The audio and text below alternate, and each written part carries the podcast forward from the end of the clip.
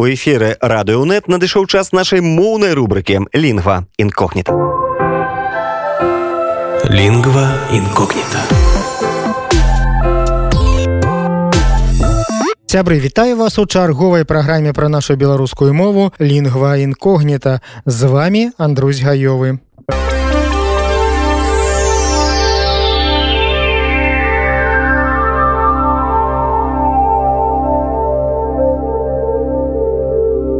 Лета хоць і памалу але набірае хуткасці. А гэта такая пара што прамінае дужа імкліва. Не заўважым які восень прыйдзе. Пакуль жа лета разгараецца і неўзабаве ў наших лясах загучаць галасы ягаднікаў а за імі і грыбнікоў. А каб збіраць лясныя падарункі па-беларуску сёння мы выправімся ў лес і даведаемся як завуцца дары лесу по-беларуску найперш варта ведаць што калі мы ідзем збіраць альбо яшчэ можна сказаць браць ягоды ці грыбы ў лес то бок будзем самі шукаць зрываць ягоды з галінак а грыбы выкручваць ці зразаць з моху ды старой лістоты тады мы по-беларуску гаворым ідзем у грыбы альбо ідзем у ягоды выраз ісці па грыбы ці ісці па ягоды у нашай мове таксама існуе але ён мае тое ж самае значэнне які ісці па нешта іншае. Напрыклад па грыбы ці ягоды можна ісці ў гіпермаркет дзе яны ўжо сабраныя і замарожаныя прадаюцца. Гэтак жа як ісці туды па малако ці па хлеб.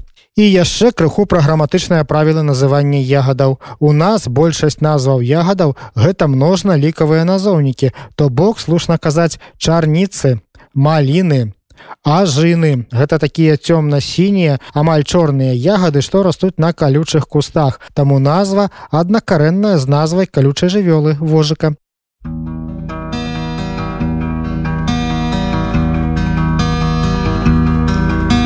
Мой погляд размылі туманы, Мой гнеў як загублены нож, Мой смутак нібы не сціханы, Кастрычніцкі помслівы дождж.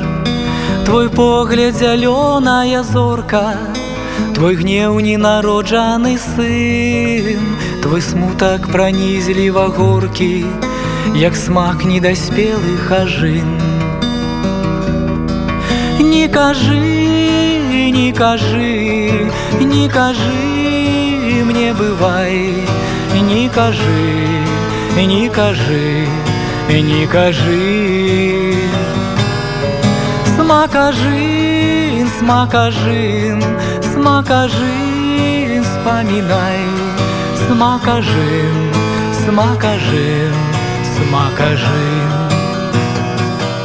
Гэта быў урывак з песні Эдуарда Акуліна самакажын. Журавіны гэта чырвоныя ягады, што растуць на доўгіх плецях на балотах. Буякі альбо дурніцы. Гэта сінанімічныя назвы адных і тых жа ягад сіняга колеру трошкі большых за чарніцу на больш высокіх буйных за чарнічныя кустах таму буякі, якія растуць на балотах вельмі часта побач з кустамі багуна, пах якога можна справакаваць дурноту ў галаве таму і дурніцамі гэтыя ягады называюць суніцы маленькія чырвоныя пахучыя ягады што растуць у барах і гаях часта паўз дарогі схіленыя паніклыя да зямлі таму і суніцы. А садовыя больш буйныя родзічы суніцаў гэта трускаўкі альбо клубніцы брусніцы маленькія чырвоненькія ягады на невысокіх цёмна-зялёных кусціках. Парэчкі звычайна чырвоныя але бываюць і светла-жоўтыя белыя бо просто альбіносы таго ж віду. Сакавітыя ягады што гронкамі растуць на кустах у поймах рэк хаця зараз у садах таксама. А вось падобныя ж ягады чорнага колеру у нас завуцца смурода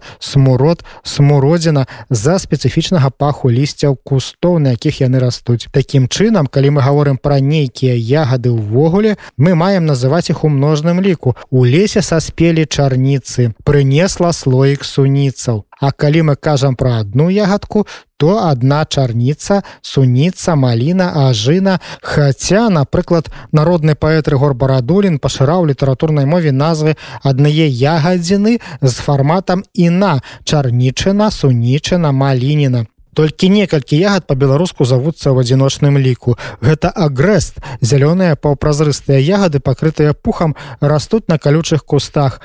Шыпшына плады дзікай ружы якія выкарыстоўваюць як лекі для заварвання гарбаты а таксама бружмель. У беларусі неядомыя ягады на кустах якія выкарыстоўваюцца ў дэкаратыўным азеляненні. все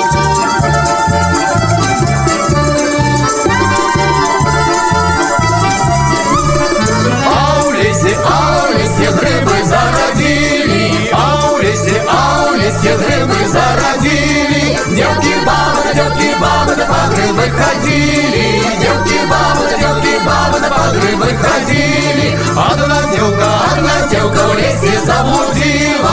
Одна девка, одна девка в лесе заблудила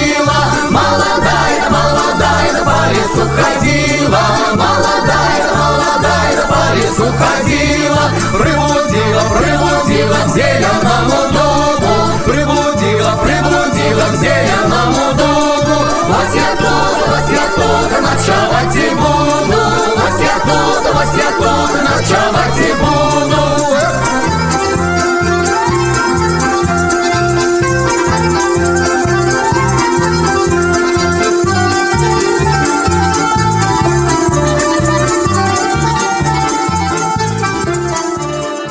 да грыбоў то мы разгледзім толькі ядомыя грыбы прынамсі тыя якія бяруць у ежу многія. Бо ёсць і такія людзі што і мухаморы пры адмысловым прыгатаванні ядуць. Тут варта зазначыць што такі нібы цар грыбоў у нашай мове завецца баравік Ён лічыцца самым спажыўным і смачным грыбам і шмат у якіх рэгіёнах Беларусі яго ўвогуле называюць проста грыб, а ўсе іншыя грыбы ўжо адпаведнымі назвамі. Падобныя да баравіка з таго самага роду, а бабак і краснагаловік альбо асавік. Апошні адрозніваецца тым, што мае ярка-аранжавы капялюшак, а ў абабка капялюшак карычневы як у баравіка, але ножка звычайна тонкая, не пузатая лісіца. Жоўты ці злёгку аранжавы грыб даволі цікавай формы. А пенька звычайна шматколькасны грыб што расце вялікімі калоніямі на карчах ці на старых гнілых кавалках драўніны ваўнянка грыб са светла-ружовымі палоскамі на белым тле пакрыты як бы бялёсым пухам. Масляк грыб з масляністай скуркай на капелюшыку якую падчас прыгатавання варта здзіраць. Груст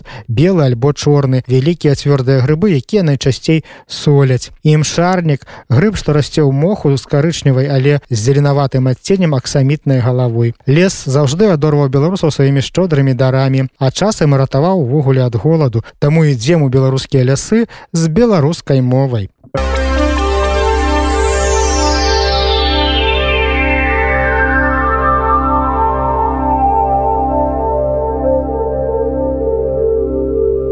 Граматычнай частцы мы працягваем разбіраць марфалагічныя нормы беларускай мовы і памылкі, якія надараюцца ў гэтай сувязі. У папярэдняй праграме мы разгледзелі марфалагічныя нормы датычна назоўніка. Спасылку на запіс гэтай перадачы можна знайсці ў наших сацыяльных сетках. А сёння мы паговорым пра граматычныя нормы і магчымыя памылкі адносна прыметніка і лічэбніка. Памылковым з пункту гледжання літаратурнай мовы з'яўляецца неправільнае ўтварэнне прыналежных прыметнікаў пад уплывам расійскай мовы. Мішын ровар замест мішаў ровар, дзядуліны кнігі замест дзядулевы кнігі. Адхіленне ад нормы часта адбываецца пры ўтварэнні ступеняў параўнання, калі, напрыклад, вышэйшая форма параўнання ўжываецца замест найвышэйшай, або калі замест вышэйшай формы параўнання прыметніка ўжываецца форма прыслоўя. Лепшы вучань у класе замест найлепшы вучань у класе. Ён вышэй сястры замест ён вышэйшы за сястру. Што да лічэбнікаў, то найбольш часта сустракаюцца памылкі ва ўжыванні формы мужчынскага роду замест формы жаночага роду ў лічэбніках два абодва. Две парты замест дзве парты з абодвума дзяўчынкамі замест за абедзвюма дзяўчынкамі. Па аналогіі з парадкавымі лічэбнікамі ў састаўных і складаных лічэбніках памылкова скланяецца толькі апошняя частка у 27 гарадах замест у 27 гарадах. 355 замест трымастамі 55 няправільнае спалучэнне зборных лічэбнікаў з назоўнікамі чацвёра студэнтак замест 4 студэнткі тры кацяняты замест трое кацянят Вось такія марфалагічныя памылкі часта ўзнікаюць у нашым маўленні але гэта яшчэ не ўсе часціны мовы і мы працягнем іх разбіраць у нашай наступнай праграме пакуль жа я Андрусь гаёвы з вами развітваюся і кажу да сустрэчы Лингва инкогнита.